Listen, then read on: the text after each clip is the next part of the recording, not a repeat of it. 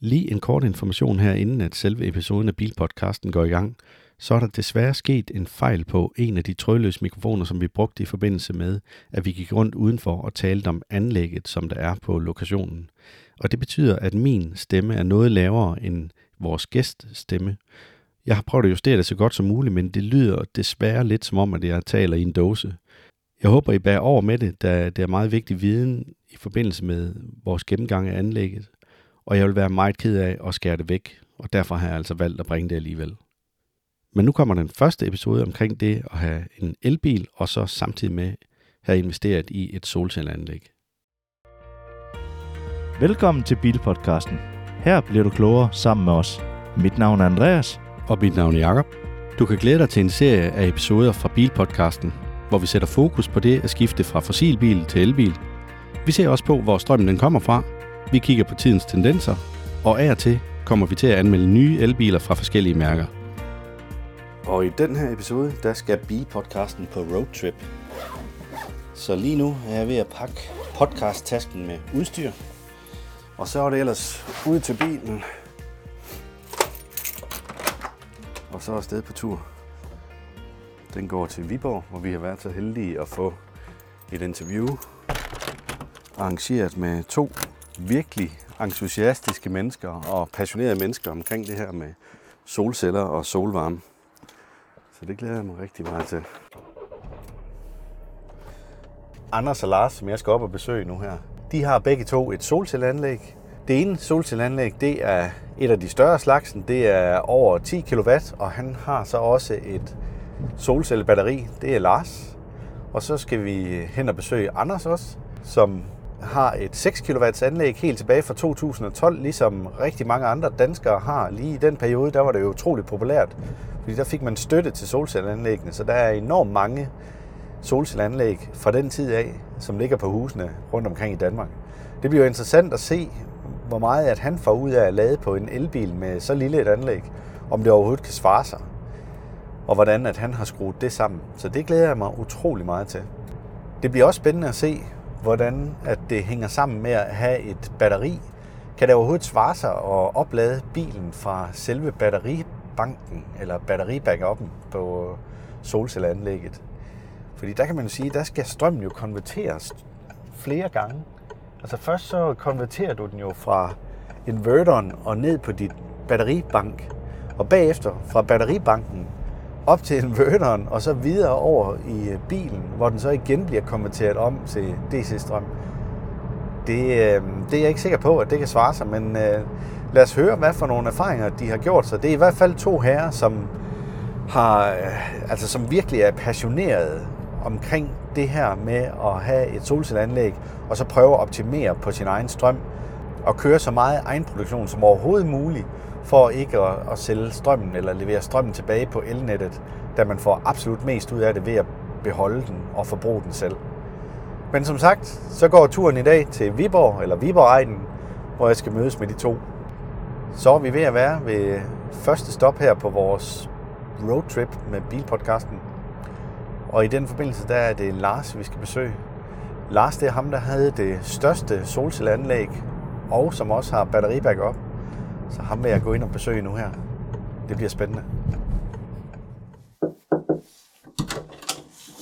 Hej. Velkommen til. Tak skal du have. Og tak fordi du lige tog dig tid til at deltage i Bilpodcasten. Ja, selv tak, det gør jeg gerne. Men Lars, du har jo øh, excelleret en hel del i det her med, med solstrøm og solenergi og, Det har jeg. og solceller på taget og så Ja. Men jeg tænkte på, sådan lige for at give lytterne et hurtigt indtryk af, hvad det er for noget, at, at du har her på huset. Kan vi så ikke gå ud og så kigge lidt på anlægget? Det kan vi da. Det lyder godt. Der skal vi lige ud i skuret. Ja. Jeg har valgt at placere det udenfor, fordi den inverter, jeg har, den, den larmer faktisk ret meget. Der er mange, der bliver overrasket over, hvis man sætter den inde i huset, så kan man faktisk godt høre den. Den Ja. har nogle ret kraftige blæser, så når den rigtig arbejder, Ja. så er den altså ikke til at holde ud at høre på. Og der kan jeg se der på øh, væggen, der sidder din lade.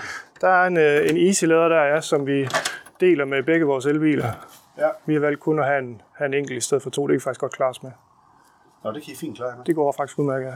Og nu kan jeg se øh, på elbilerne, at den ene det er i hvert fald ikke en, der, der tyder på, at I kører ret langt. Nej, vi har ikke et kæmpe stort kørselsbehov. Altså, den ene kan køre 150-200 km, den anden kan køre 200-250 km på en opladning. Også her om vinteren, den der, øh, det er jo sådan Honda. Ja, måske lige knap. Kommer an på, hvor, hvor frisk man kører til, men øh, jeg får sådan 130-40 her om vinteren måske. Ja. Ja. Hvad for en kan du bedst lide at køre i? Jeg kan se, den anden det er en BMW øh, i3. i3, ja. Øh, altså, Hondaen, den kører bedst. Den har klart de bedste køreegenskaber. Ja. Øh, men, men BMW'en er også en rigtig fed bil at køre i. Øh, jeg startede faktisk med at køre i, i, i BMW'en Ja. som, øh, som min bil nummer to. Og så øh, overgik den til konen i stedet for. Hun havde en Polo benziner før, ja. kørte til Herning i den. Ja. Og så fik hun BMW'en i stedet for, så købte jeg mig den her Honda, Honda E, som jeg synes kører helt fantastisk og har nogle rigtig lækre gadgets. Det kan jeg godt lide. ja, det har den meget af. Ja. Hvordan er det med, øh, altså hvor langt er det til Herning herfra? Der er 45 km, Okay. så den, øh, den kunne faktisk godt køre to dage frem og tilbage mellem Viborg og Herning Nå. på en opladning. Også her om vinteren? Øh, også om vinteren, ja. Ja. Okay. Øhm, men nu har min kone så lige fået arbejde i Viborg, så, så nu har vi begge to 9-10 km på arbejde. Ja, det, Og vi har familie her i byen, og dem, der bor længst væk i familien, bor i Aarhus, der er 70 km ned, så, så, så vi klarer os faktisk fint med de to her. Indtil videre. Der, der er ikke lige, det, det ligger ikke op til kør selv, vil jeg godt indrømme. ej, ej, det gør det ikke. Nej, og vi, vi kører måske vi kører til Odense en gang hver tredje måned eller sådan noget. Der er vi nødt til at stoppe øh, og lade både på vej ned og på vej hjem. Det lever vi med indtil videre. Ja. Ja. Og så på et eller andet tidspunkt, når vi bliver træt af det, så, så skifter vi den ene ud med en, der har en længere rækkevidde. Så kan jeg godt forstå, at du måske får en hel del ud i din solstrøm, når, når du ikke skal lade mere end... Øh, Ja, det, det regner det i hvert fald med at gøre, men nu, vores solcelleranlæg er blevet sat op i, øh, i midten af januar. Så jo kun små tre måneders erfaring, og det har ikke været den mest øh, solrige periode, så, Nej, så der er ikke råd meget strøm på bilerne endnu fra solcelleanlægget, men det regner bestemt med, at det ændrer sig hen over foråret og sommeren. ja. Så er vi kommet ind i skuret. Det er vi, ja. Det er inverteren, der sidder her.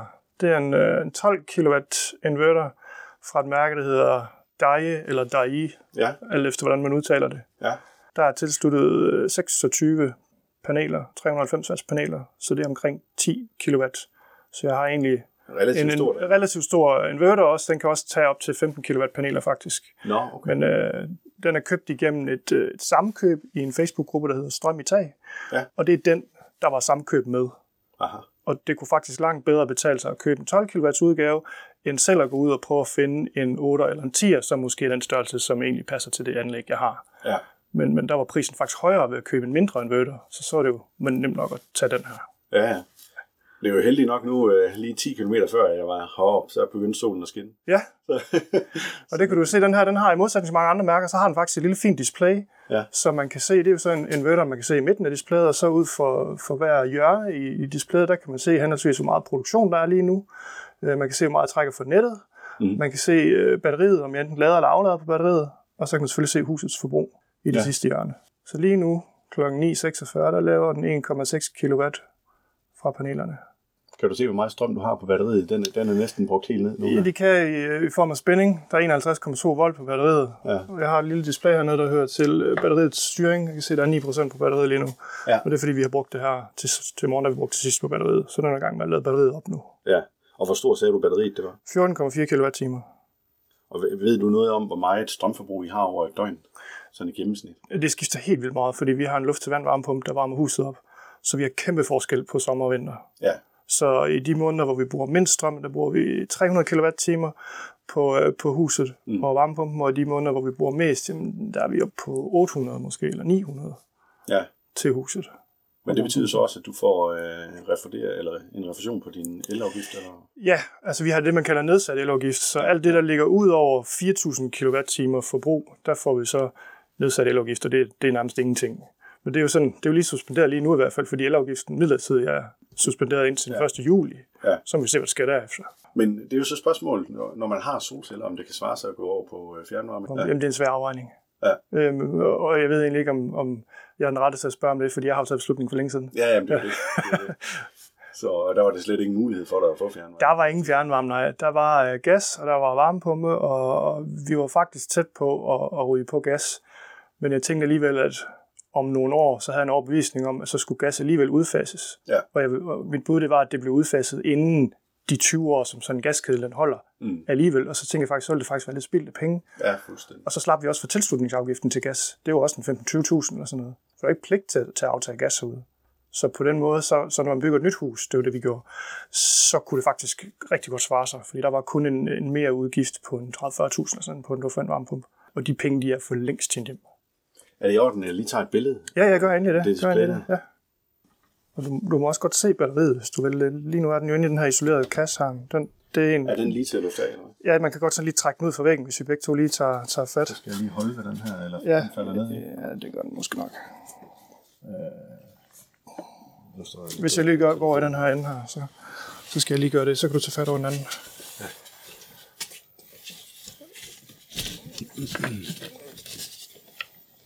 2C-batteriet ligger her. Og det er jo altså bygge selv batteri, det her. Ja, det, det, er ikke, det, det er ikke en færdig øh, købt løsning. Du har simpelthen selv været i gang? Øh, jeg har ikke selv været i gang. Jeg har øh, været i en, en lille gruppe af mennesker, hvor der er en, der har stået for indkøb og tilbud og samle for os andre, hvis ikke vi ah. selv vil rode med det. Ja. Så, så mere bygge selv er det ikke. Jeg har ikke, jeg har ikke selv forstand nok på det til at, at bygge den slags. Men øh, jeg fandt en... Hvad, øh, hvad, hvad kostede det kontra? øh, Fordi jeg kan jo se, det koster jo cirka 25.000 for et 6 kW. Jamen, jeg havde egentlig besluttet mig for, at jeg ikke skulle have batteri, for jeg synes, priserne var helt ude i hampen. Altså, man skulle give cirka 5.000 kroner per kilowatt-time batteri. Sådan en 5 kW batteri, som der er mange, der, der køber, Ja. det er der faktisk øh, 25.000, ikke også? Jamen, det er rigtigt. Ja. Og så, øh, så tænker jeg, at jeg køber en, en hybrid inverter, og så venter jeg indtil batteripriserne de er faldet. Mm. Og så var der inde i den her Facebook-gruppe, der hedder Strøm i tag, der var der en mand, som skrev ud, øh, jeg skal til at bestille del hjem til Bygsal batteri. Er der nogen andre, der har lyst til at gå med i det, så kan vi få prisen lidt ned, og vi kan slippe for nogle øh, høje fragtrater. Og så vil jeg til gengæld godt tilbyde, at man enten kan komme hos mig og afhente delene, eller jeg kan også samle batteriet, så det er klart med, med ledninger og med, med BMS, altså batteristyringsenhed og det hele, så det er bare klar til at tilslutte. Ja. Og det takker jeg så ja til. Ja. Og jeg vil sige, ulempen lige nu, det er, at den, den batteristyringsenhed, jeg har, der er ikke aktiv kommunikation mellem inverteren og batteriet. Så, så inverteren aflæser spændingen på batteriet, altså 51,8 volt Ja. lige nu. Ja. Så det eneste mulighed, jeg har for at se, hvor mange procent der er på batteriet, Det er det er ved at kigge på displayet, og den er også, er også på Bluetooth, men den er altså ikke wifi. Nå. Men der er ved at blive udviklet en prototype på en lille enhed, som ja. det her, jeg har allerede trukket øh, et, øh, et wifi-kabel her, Ja. så det er klar til at blive tilsluttet, så der er aktiv kommunikation, sådan så inverteren får at vide fra batteristyring, hvor mange procent der er på. Mm. For det er trods alt nemmere at styre procent, end det er at prøve på at styre via spænding via volt. Det skal man vide noget om. Gør I så også det, at I kører med nattænkning i de dyre timer? Ja, Sådan at for eksempel der fra 5 til 8. ja, ja fra, fra 17 til 21, der, der sænkes temperaturen på vores gulvvarme en halv grad, så der bliver varm- varmepumpen aldrig aktiveret. Ja, det er simpelthen nok med. På, på nyere varmepumper, der kan du gå ind via wifi og styre fremløbstemperatur osv. Ja, Selvom vores varmepumpe kun er 6 år gammel. Vi byggede i slutningen af 16. der sker meget. Der sker nemlig meget, så vi kan faktisk ikke styre varmepumpen på, på wifi-modul. Nej. Så jeg har valgt, jeg har til gengæld gulvvarmestyring med display. Ja. Så der kan jeg lave sådan en, en, en tidsbestemmelse af, at mellem kl. 17 og kl. 21, der skal den sænke temperaturen en halv grad i de rum, jeg nu vil have det sænket i. Og det gør så, at effektivt, så starter varmepumpen midt på det tidspunkt. Så jeg kan faktisk godt styre det alligevel. Det er bare lidt en anden måde at gøre det på. Nå, hvad, hvad siger forsikringen til, at man har sådan en batteri, man selv har bygget? Jamen, øh, det tror jeg så ikke, de siger noget til. Jeg har været ved dem og spurgt, om der er et eller andet, jeg skal være specielt opmærksom på. Jamen, Ja. jeg skal overholde øh, producentens forskrifter omkring det. Det er det samme med, med når, man, når man selv øh, putter solceller på taget. Det har jeg også stået for selv. Det er ikke et firma, der har gjort det. Nej. Men det må man godt. Men, men man skal overholde producentens øh, forskrifter. Ja. Det samme med installationer som en inverter som den her.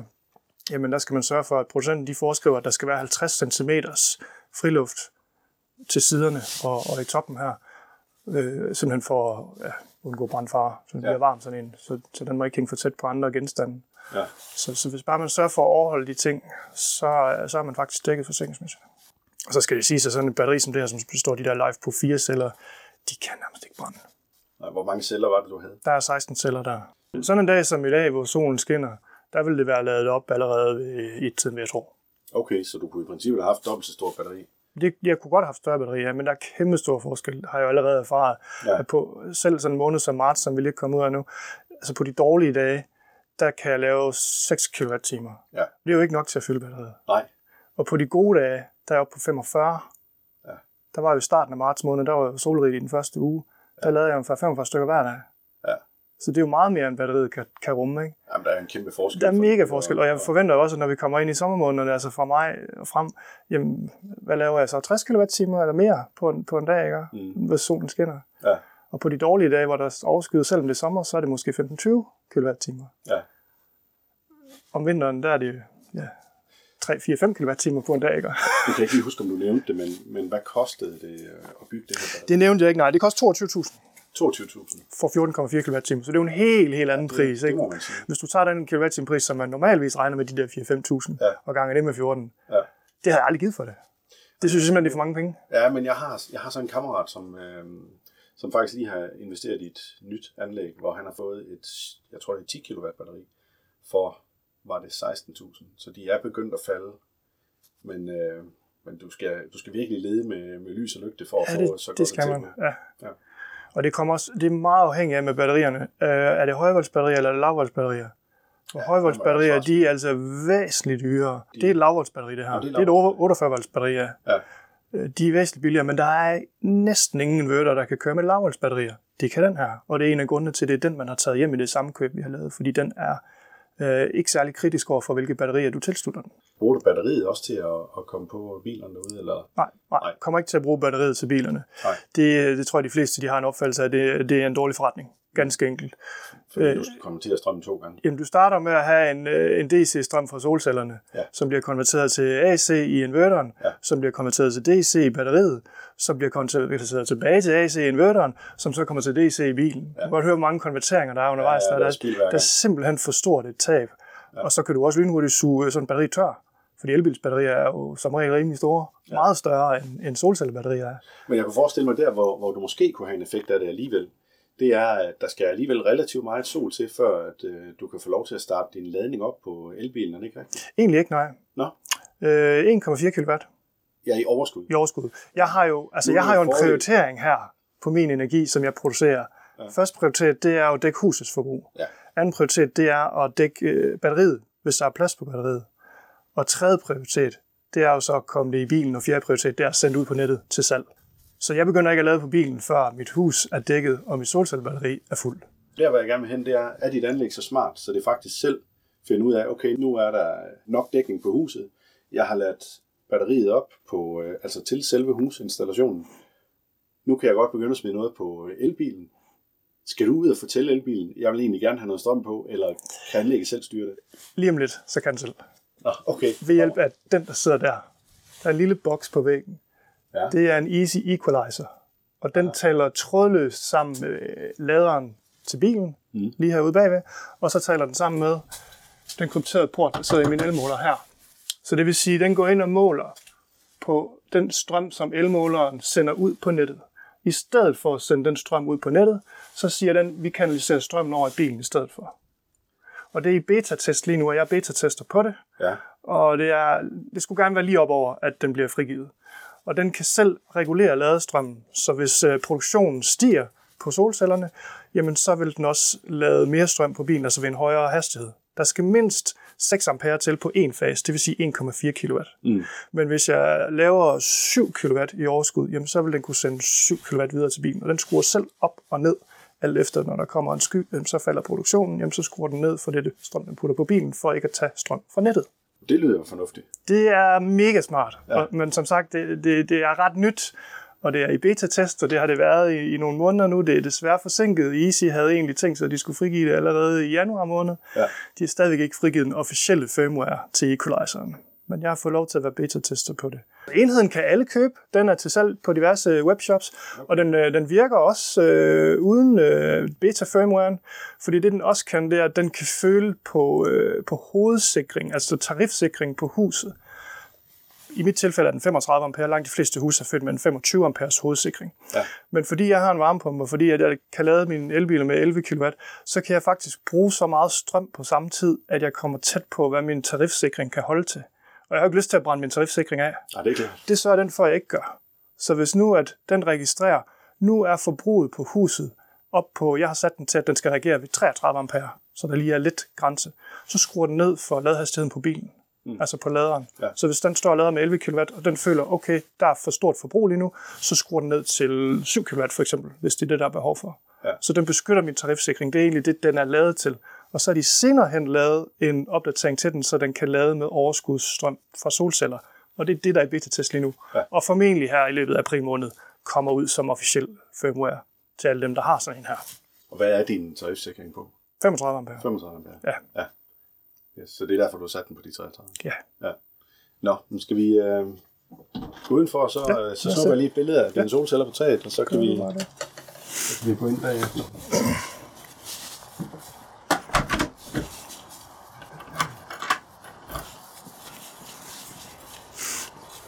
Så det er alle dine celler, der ligger herom? Der er flere derovre. Der er flere derom. Og de to tagflader, de har den samme øh, hældning øh, og, og retning. De, det er jo 210 grader, så det er sådan lidt mere end, lidt mere end syd. Ja. Så, så de to tagflader, der er rigtig gode til det. Øhm, og jeg tænkte egentlig, at vi, når nu vi endelig var i gang, så kunne vi faktisk godt, selvom den lille tagflade over kun kan have seks Ja, solceller. straffet lidt, fordi du Ja, og, og det- derfor har jeg faktisk også delt dem op, så det er to forskellige serier på inverteren. Der er to kanaler på inverteren. Ja. Så, så de her øh, 20, der er her, ja. de sidder 2 gange 10 serier parallelt på den ene ja. øh, kanal, og de her, de sidder bare i 1 gange 6 på den anden kanal. Hvor, hvorfor er det en fordel? Fordi at øh, skyggen, er der bare skygge på nogle paneler, så trækker det resten af panelerne i den samme serie ned i produktionen. Okay. Det Så derfor er det vigtigt, at den derovre, som sidder i skygge, og den skygge kan jeg jo ikke ændre på, det er ikke Nej. mine træer, der er derovre, så er jeg nødt til at have den på en kanal for sig, ellers så vil de faktisk trække produktionen ned for resten af solcellerne. Jamen Lars, øh, det var en fin introduktion. Lad os øh, gå ind for så. Lad os snakke lidt med. Jamen Lars, så har vi været ude og øh, gå en tur og se lidt på dit anlæg derude. Det har vi. Nu skal vi til at dykke lidt mere ned i øh, noget af det, øh, af det mere tekniske. Men i første omgang, så må vi hellere høre lidt mere til, hvem du er, og, og hvordan det kan være, at du lige interesserer dig så meget for det her. Jamen, jeg hedder Lars, og jeg er 40 år gammel, og jeg arbejder på en folkeskole i Viborg, hvor jeg underviser de ældste elever. Vi har sådan en idrætslinje for Team Danmark-elever. Så det må jeg lære og træner for. Jeg kunne ellers forestille mig, at det var fysik. Det er ikke fysik. Nej. Det, det gætter de fleste sjovt nok på, at Ja. jeg er fysik med fysik. Nej, jeg er dansk og engelsklærer. Så det er sprog, det har med at gøre. Ja, men hvorfor er det, at du lige interesserer dig så meget for det her med solceller og, og solcellestrømmen og energien derfra? Jamen, det tror jeg heller ikke altid, jeg har gjort. Øh, men, men ligesom mange andre, så tror jeg, at jeg sidste år, da priserne de steg helt vildt, så blev jeg nok en lille smule øh, motiveret til at kigge lidt på solceller, fordi vi bor i et hus, som har en luft-vand-varmepumpe, og øh, har to elbiler nu. Øh, så, så vi har et øh, rimelig stort elforbrug, vil jeg sige. Vi ligger omkring måske lidt over 10.000 kWh om året. Og det har indtil sidste år, for halvanden år siden, der har det ikke været specielt dyrt. Altså, vi har måske haft en elregning på, det ved jeg ikke, 6-8.000 om året eller sådan noget. Mm. Og så steg priserne fuldstændig vanvittigt lige pludselig, og så kunne vi jo se ind, potentielt se ind i regninger på 40-50.000 kroner om året. Øh, det, det gik heldigvis ikke så slemt. Øh, prisen er, er faldet lidt siden, men det var i hvert fald det, der, der gjorde, at vi gik i gang med at finde ud af, hvordan kan vi komme udenom det. Og der er solcellerne jo bare den perfekte løsning.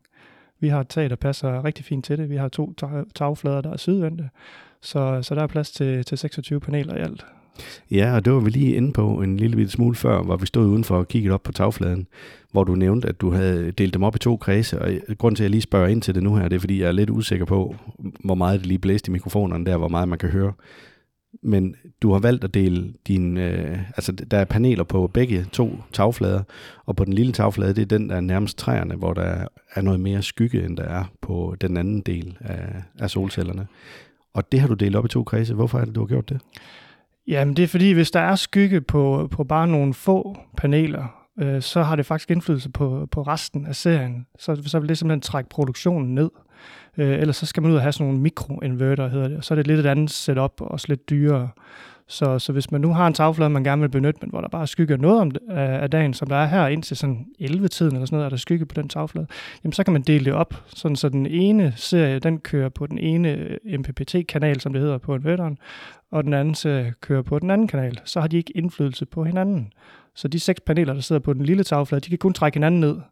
Og det er jo ikke sådan så stor en del af, af anlægget. Det er jo, hvad bliver det, 2,4 kW peak, der sidder på den lille tagflade, og, og 7,5 på den anden. Ikke?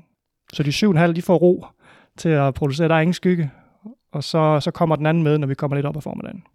I forhold til elbiler, altså nu er der flere af vores lyttere, de er jo øh, selvfølgelig lidt interesseret i, hvad for en elbil de skal vælge. Har det noget at sige overhovedet i forhold til, hvis du gerne vil bruge din solcellestrøm på elbilen? Det er ikke umiddelbart. Altså alle elbiler kan lade på, øh, på solcellestrøm. Der kan selvfølgelig være forskel på, hvor, hvor hurtigt man kan lade, om man har en etfaset eller en trefaset elbil.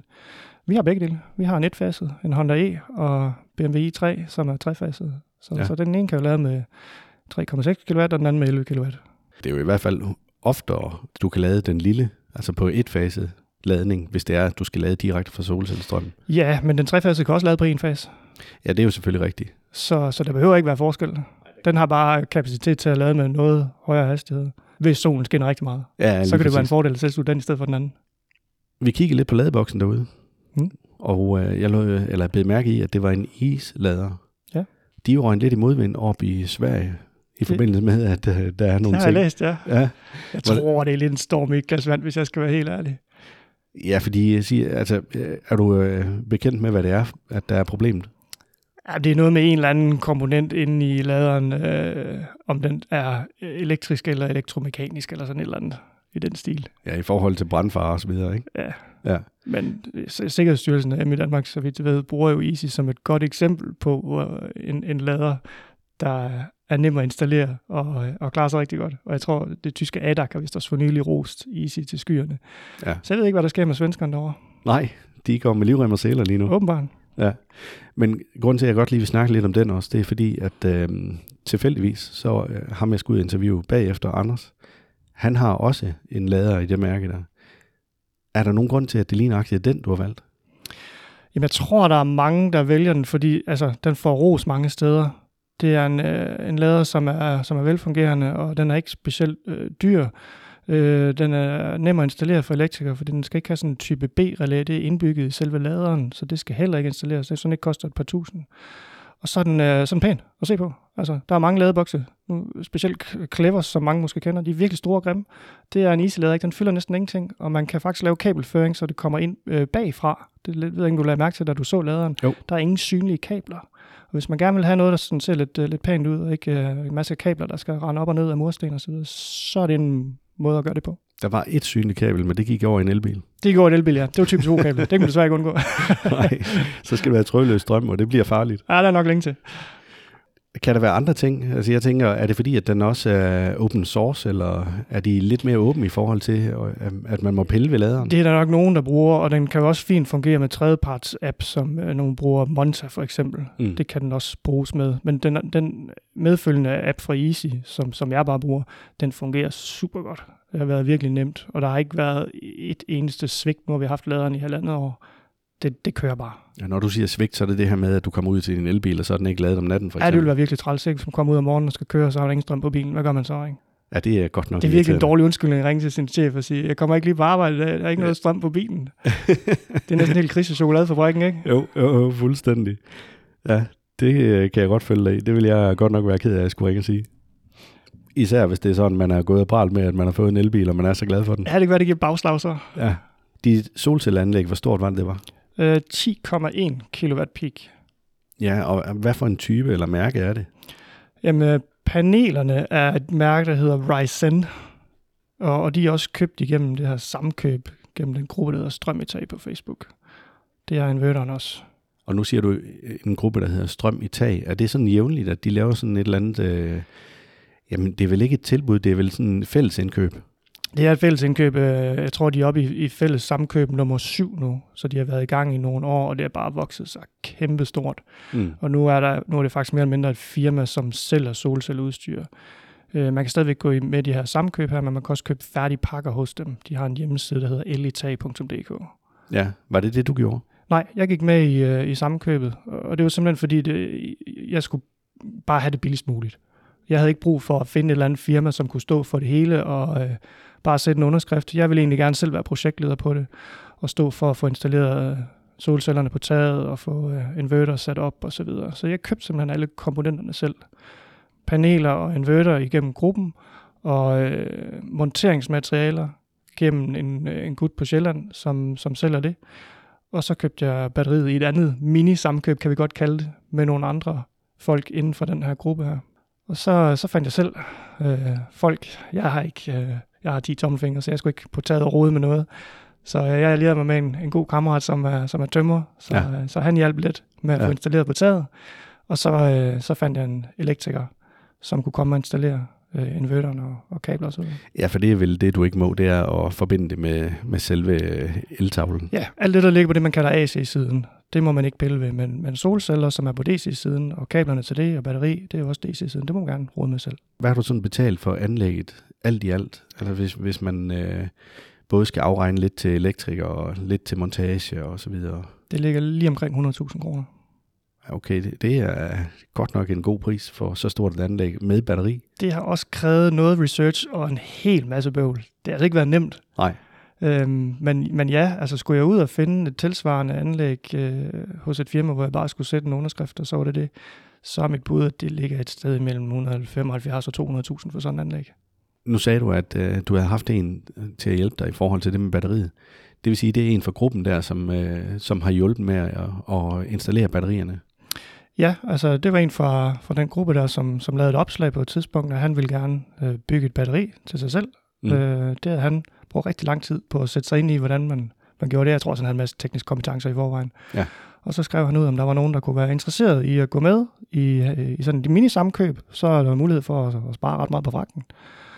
Han tilbød så også, at enten så kunne man komme og hente de der dele hos ham, eller han kunne faktisk også godt øh, overtales til at samle batteriet for en, hvis der var nogen, der gerne ville det.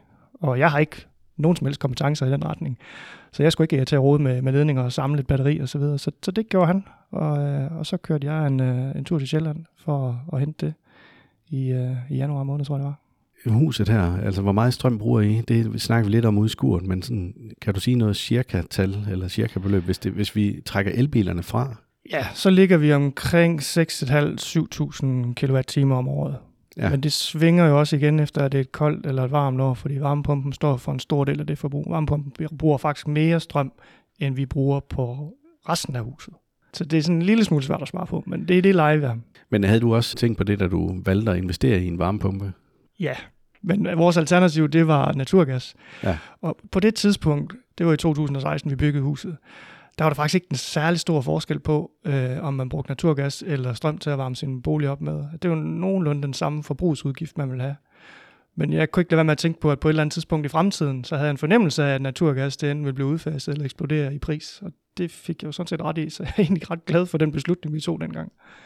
Og de penge, vi, øh, vi har betalt mere for at få en luftvandvarmepumpe i forhold til naturgas, de er for længst tjent hjem. Nu har du jo ikke haft dit solcelleanlæg så lang tid endnu. Men hvad forventer du, at det kommer til at producere sådan i løbet af et år? Jeg vil tro, at det kommer til at producere 9-9.500 kWh. Det er mit bud. Øh, man siger jo normalt, at, at hvis du har 10 kW anlæg, så kan du lave 10.000 kWh. Nu har jeg jo en, en, en lille del af mine paneler, som er i skygge noget af dagen, så hvis jeg lige trækker lidt fra det, Mm. så tror jeg, jeg rammer nogenlunde plet. Men det er jo da i hvert fald også fornuftigt. Og så er det jo så spændende, hvor meget af det, du kan komme til at, at smide på elbilerne. Ja, det vil vise sig. Ja, det vil jo så kun være i sommermåneden. Det er lidt ærgerligt, at du ikke har haft dem hen over sommeren. Det kan godt være, at vi lige bliver nødt til at ringe til dig der senere, Jamen, det må du gerne. så ja. vi lige kan følge op på det. Men jeg håber da bestemt på, at en stor del af vores kørsel, at det kan dækkes af solcellestrøm. Men nu har vi heller ikke et kæmpe stort kørselsbehov. Øh, Vi har. Nej. to små elbiler, og vi, vi kører måske 15.000 km til sammen i de to biler. Ja, så kan man jo selv regne ud, så er det jo ikke ret mange kilowatt, der skal fyldes på. Det er det ikke. Nej. Så må ikke, at vi kan tage en stor del af vores kørsel på solcellestrøm. Så nævnte du, da vi stod ude i skuret, at øh, man skulle op på 1,4 kilowatt, før at man kunne begynde at lade på elbilerne. Det er rigtigt, ja. Ja. Og det er simpelthen fordi, at bilens øh, onboard-lader, som det hedder, den kan først aktiveres, hvis der er 6 ampere øh, på en fase tilgængelig. Så det svarer til 1,4 kW. Ved du, om det er ens for alle elbiler? Det er meget bekendt standard på alle elbiler, ja. Okay. Jamen det er jo så også derfor, du, du siger, at øh, det, det er mere eller mindre lige meget, hvilken elbil man vælger, fordi at man kan altid lade den på en fase. Ja, lige præcis. Er der ekstra meget spild? Det snakker vi også lidt om derude. Det er der jo, hvis det er, at du skal tage det fra batteriet og flytte det over på elbilens batteri. Det kan ikke svare sig. Det mener jeg ikke, det kan, nej. Men, men når du lader fra øh, dine solcellepaneler, og så kører det direkte på elbilen, er der så noget spild i det? Ja, der vil stadigvæk være noget ladetab, men, men det er der sådan set også, hvis du lader direkte fra elnettet. Ja. Så er der også noget ladetab, og det er et eller andet antal procent, og det, det er svært at sige præcis hvor meget det er, for det afhænger af, af rigtig mange forskellige faktorer. Mm. Men, men spild kan ikke undgås uanset. Nej. Men så kan man så sige, det betyder jo så ikke så meget, når det alligevel kommer direkte fra solen, så det er jo den grønne energi. Som, Det er jo grøn og gratis energi, ja, så der Ja. kan man måske godt leve med, at man spilder en lille smule af det. Du har jo alligevel betalt for anlægget, og om man kører den ene eller den anden vej og får det spil, det kan jo være lige meget. Ja. Så havde jeg et spørgsmål øh, i forhold til det her med inverteren. Kræver det en særlig inverter eller ladeboks, eller en kombination af de to, for at man kan øh, lade på elbilen fra, fra sine solceller? Det mener jeg ikke, det gør nej. Øh, altså en, en hver inverter og, og lade kombination vil kunne lade øh, fra solcellerne. Det, det er bare et spørgsmål om, at det bliver installeret af en elektriker, så, det- så det kan køre. Er der noget, man skal være særlig opmærksom på i forhold til, hvis man ønsker sådan en løsning, som du har? Er, det, er der noget, du er blevet klogere på, hvor du tænker, her, der skal man, der skal man passe på? Jamen altså tilbage i, hvad blev det, august måned, der hvor elprisen var på sit højeste, det var jo ligesom der, hvor jeg begyndte at, kigge på det her med solcelleanlæg. Og der er jo rigtig, rigtig mange udbydere, der er rigtig mange firmaer, som sælger solcelleanlæg. Men, men, men priserne er også, vil jeg mene, forholdsvis høje, hvis man køber sådan et færdigt projekt. Og jeg tror, man skal kigge sig for, fordi der er nogen, der virkelig spænder guld på det derude. Mm. Og der er nogen, der også har forholdsvis nystartede firmaer, hvor man måske skal betale noget af prisen på forhånd. Hvad sker der så, hvis firmaet går konkurs i mellemtiden, inden man får leveret sit anlæg osv.? Der er så mange ting, man lige er nødt til at kigge lidt på og være lidt opmærksom på. Altså, pas på, hvem man sender penge til, ikke også? Og hvis man gerne vil gå den vej, som jeg er gået, så skal man bare være opmærksom på, at når man er projektleder, man køber del hjem selv osv., så er man også nødt til at gøre sig en masse researcharbejde inden. Jeg vidste altså ikke ret meget om solcelleranlæg inden august sidste år. Så jeg var altså nødt til at bruge rigtig lang tid på research og gøre mig klog på, hvad er det, hvad er det for noget, jeg begiver mig ud i her. Øh, så, så det tager altså noget tid. Jamen, så er det godt, at du hjælper en masse lyttere på vej nu. Ja, det håber jeg, jeg kan. det er helt sikkert. Det, det tror jeg absolut, det er, det er godt givet ud. Jeg kan i hvert fald anbefale den her gruppe, som jeg har omtalt, der hedder Strøm i Tag. Ja. Der er et, øh, et meget aktivt medlem derinde, som har lavet en, en begynderguide til solceller, og faktisk baseret på nogle af de produkter, som, som jeg også har købt igennem den gruppe. Ja. En med øh, en 40 sider sag eller sådan noget. Den er ret lang, men hold op, hvor kan man få svar på rigtig mange af sine spørgsmål ved at læse den guide igennem. Ja, men det var godt fif. Det kan godt være, at jeg lige lægger et link op til det i episodebeskrivelsen her, når jeg udgiver den her Ja. episode. Øhm, I forhold til det her med, øh, at I har solceller og batteribackup, og I har elbiler osv., gør I så noget særligt i forbindelse med os? Altså tænker I mere over, hvordan I forbruger strømmen i huset? Ja, altså vi, tidligere der brugte vi jo tit strøm om natten øh, til at vaske tøj og vaske op og den slags. Det, det gør vi ikke længere. Nu gør vi det om dagen i stedet for, når vi er på arbejde, fordi så er der jo produktion. Ja. Så der kan vi jo egentlig gratis bruge opvasker og vaskemaskinen og så videre. Så det har I timer på. Det jeg timer på, ja. Men det vil sige, at øh, de dage, hvor solen så ikke skinner, så vælger I simpelthen lige at... Det er ikke den dag, I vasker tøj, for eksempel. Ja, så udskyder man det bare lige. Ja. ja. Men, men de fleste dage, der vil det sagtens skulle lade sig gøre. Ja, det er jo så også en fordel, fordi I har batteribackup. Vi har batteri backup, ja. Men vi har heller ikke, vi har ikke stort nok batteri til, at vi bare kan trække på det øh, alle døgnets mørketimer. Nej. Altså, fordi der har vi simpelthen for stort forbrug til, at det kan lade sig gøre. Så skal vi have et endnu større batteri. Jamen nu kan man sige, at jeres batteri, det var de her 14,4 kW. Ja. Hvor meget strøm bruger I per døgn sådan i gennemsnit? Altså kan I køre to dage på batteriet? Det svinger helt vildt. Nå, det svinger også. Ja, det, altså, varmepumpen, det er den, der dikterer, hvad vores forbrug er. Og der kan være dage, vinterdage, hvor vi bruger 40-45 kWh på et døgn. Og der kan være sommerdage, hvor vi bruger under 10. Fordi om sommeren kører varmepumpen slet ikke. Når du siger, at den lave ende, der er det under 10, så er det jo stadigvæk sådan rimelig forbrug. Øhm, så kan jeg godt se, så, så kan I jo ikke køre to dage på, på batteriet. Det kan vi ikke, nej. Nej. Men jeg vil skyde på, at i sommerhalvåret, der vil vi kunne dække en stor del af vores forbrug med batteri. Ja. Og nu siger her, nu er marts måned lige overstået den 1. april dag, og jeg kan se, at i marts måned, der er vi cirka 50% selvforsynende. Ja. Det synes jeg alligevel er rimelig okay, taget betragtning af, det er marts måned. Og det er inklusiv, det er inklusiv bilerne. Inklusiv bilerne? Inklusiv begge elbiler, ja. Ja, 60 okay. procent. Og marts måned, den har jo faktisk ikke været sådan specielt god i forhold til soltimer. Kun lige i starten af, måneden, der kom der rigtig meget, ja. Vi har lavet 650 kWh på vores øh, 10 kW anlæg i marts måned. Det er altså været nok til at dække halvdelen af vores forbrug. Det er fint, det må man sige. Folk, der ikke har batteribackup, de bliver jo nødt til at tænke over helt præcis, hvornår solen skinner osv. Men I har trods alt en buffer i og med, at batteriet det, øh, kan levere noget strøm til huset. Ja, det, det er vi knap så afhængige af. Jeg Ja. vil sige, den, den største fordel, og der hvor jeg tænker over det, det er jo de der timer fra 17 til 21, Mm. hvor tariffen bare er blevet mega høj. Og det er jo der, jeg typisk bruger øh, en stor del af batteriets kapacitet. Så det vil sige, når jeg kigger på, øh, på min oversigt over strømforbrug, så går jeg jo i 0 i de timer. Ja. Og det føles rigtig godt. ja, det kunne jeg forestille mig. Og så sagde du også, øh, da vi stod ude i skuret og kiggede på anlægget, der sagde du jo også, at du skruede ned for, for selve øh, gulvvarmen, og dermed også varmepumpen i forbindelse med de timer der. Ja. En sidste ting, Lars, det er, øh, hvis det er sådan, at nu strømmen den går i hele området her, så er du selvforsynende og kan egentlig køre videre, øh, indtil du har brugt dit batteri, er det ikke korrekt? Nej, det kan jeg ikke. Så slukker inverteren. Så slukker inverteren. Ja. Den skal bruge strøm fra nettet. Ja, i, i mit tilfælde ja. Man kan godt lave et setup, hvor øh, man har sådan en, jeg tror det hedder en ATS, Automatic Transfer Switch, hvor den kan, kan bruges off-grid. Det har jeg ikke fået sat op. Øh, Jeg ser umiddelbart heller ikke nogen grund til det. Nu har vi boet her i seks år, der har ikke været en strømafbrydelse overhovedet. Det er tankevækkende. Jeg troede egentlig, at, øh, at du var 100% selvforsynende og kunne køre fra batteriet, hvis det var, at man havde det setup. Inverteren, den, den skal simpelthen have strøm i den installation, vi har lavet med den. Ja. Den kan sikkert godt sættes op med sådan en ATS, Ja. så, den, øh, så den slår fra. Hvis, øh, hvis strømmen ryger, så kan man være øh, off-grid på den måde. Det er altså ikke noget, jeg har forsket ret meget i, og som sagt, vi har aldrig haft en strømafbrydelse her, vi bor, så jeg synes ikke, det er nødvendigt. Nej. Jamen her på faldrebet, Lars, er der så øh, en yderligere ting, som du tænker, det vil være gavnligt for folk som mig, eller, eller som nogle af os lytter, som måske går og overvejer, at skal have et solcelleanlæg eller batteri til deres solcelleanlæg osv.? Jamen, jeg tror måske bare, jeg kan gentage det der med at lave noget research. Det er simpelthen så vigtigt. Lad være med bare at springe på det første og det bedste tilbud, man ser. Få nogle forskellige tilbud hjem. Læs om det, bliv klog på det, og så træffe nogle beslutninger derefter. Ja, og så må vi nok konkludere, at hvis du har langt på arbejde og skal lade meget på din elbil, jamen, så kommer du ikke til at kan dække det med et solcelleanlæg.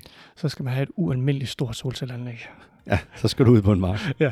I hvert fald, Lars, tusind tak, fordi at, øh, du tog dig tid til det her. Det var fornemt. Jeg ved, at du Ja, står og skal ud og rejse nu her, så, så det var fint, at vi lige kunne presse det ind. Ja, der er en påskeferie lige om lidt. Det er godt. Ha' det godt indtil videre. Ja, tak lige måde. Tak fordi du lyttede med. Gå ikke glip af næste episode. Tryk på følg eller abonner. Fortæl dine venner og bekendte om os. Det vil hjælpe os utrolig meget. Og kør forsigtigt derude.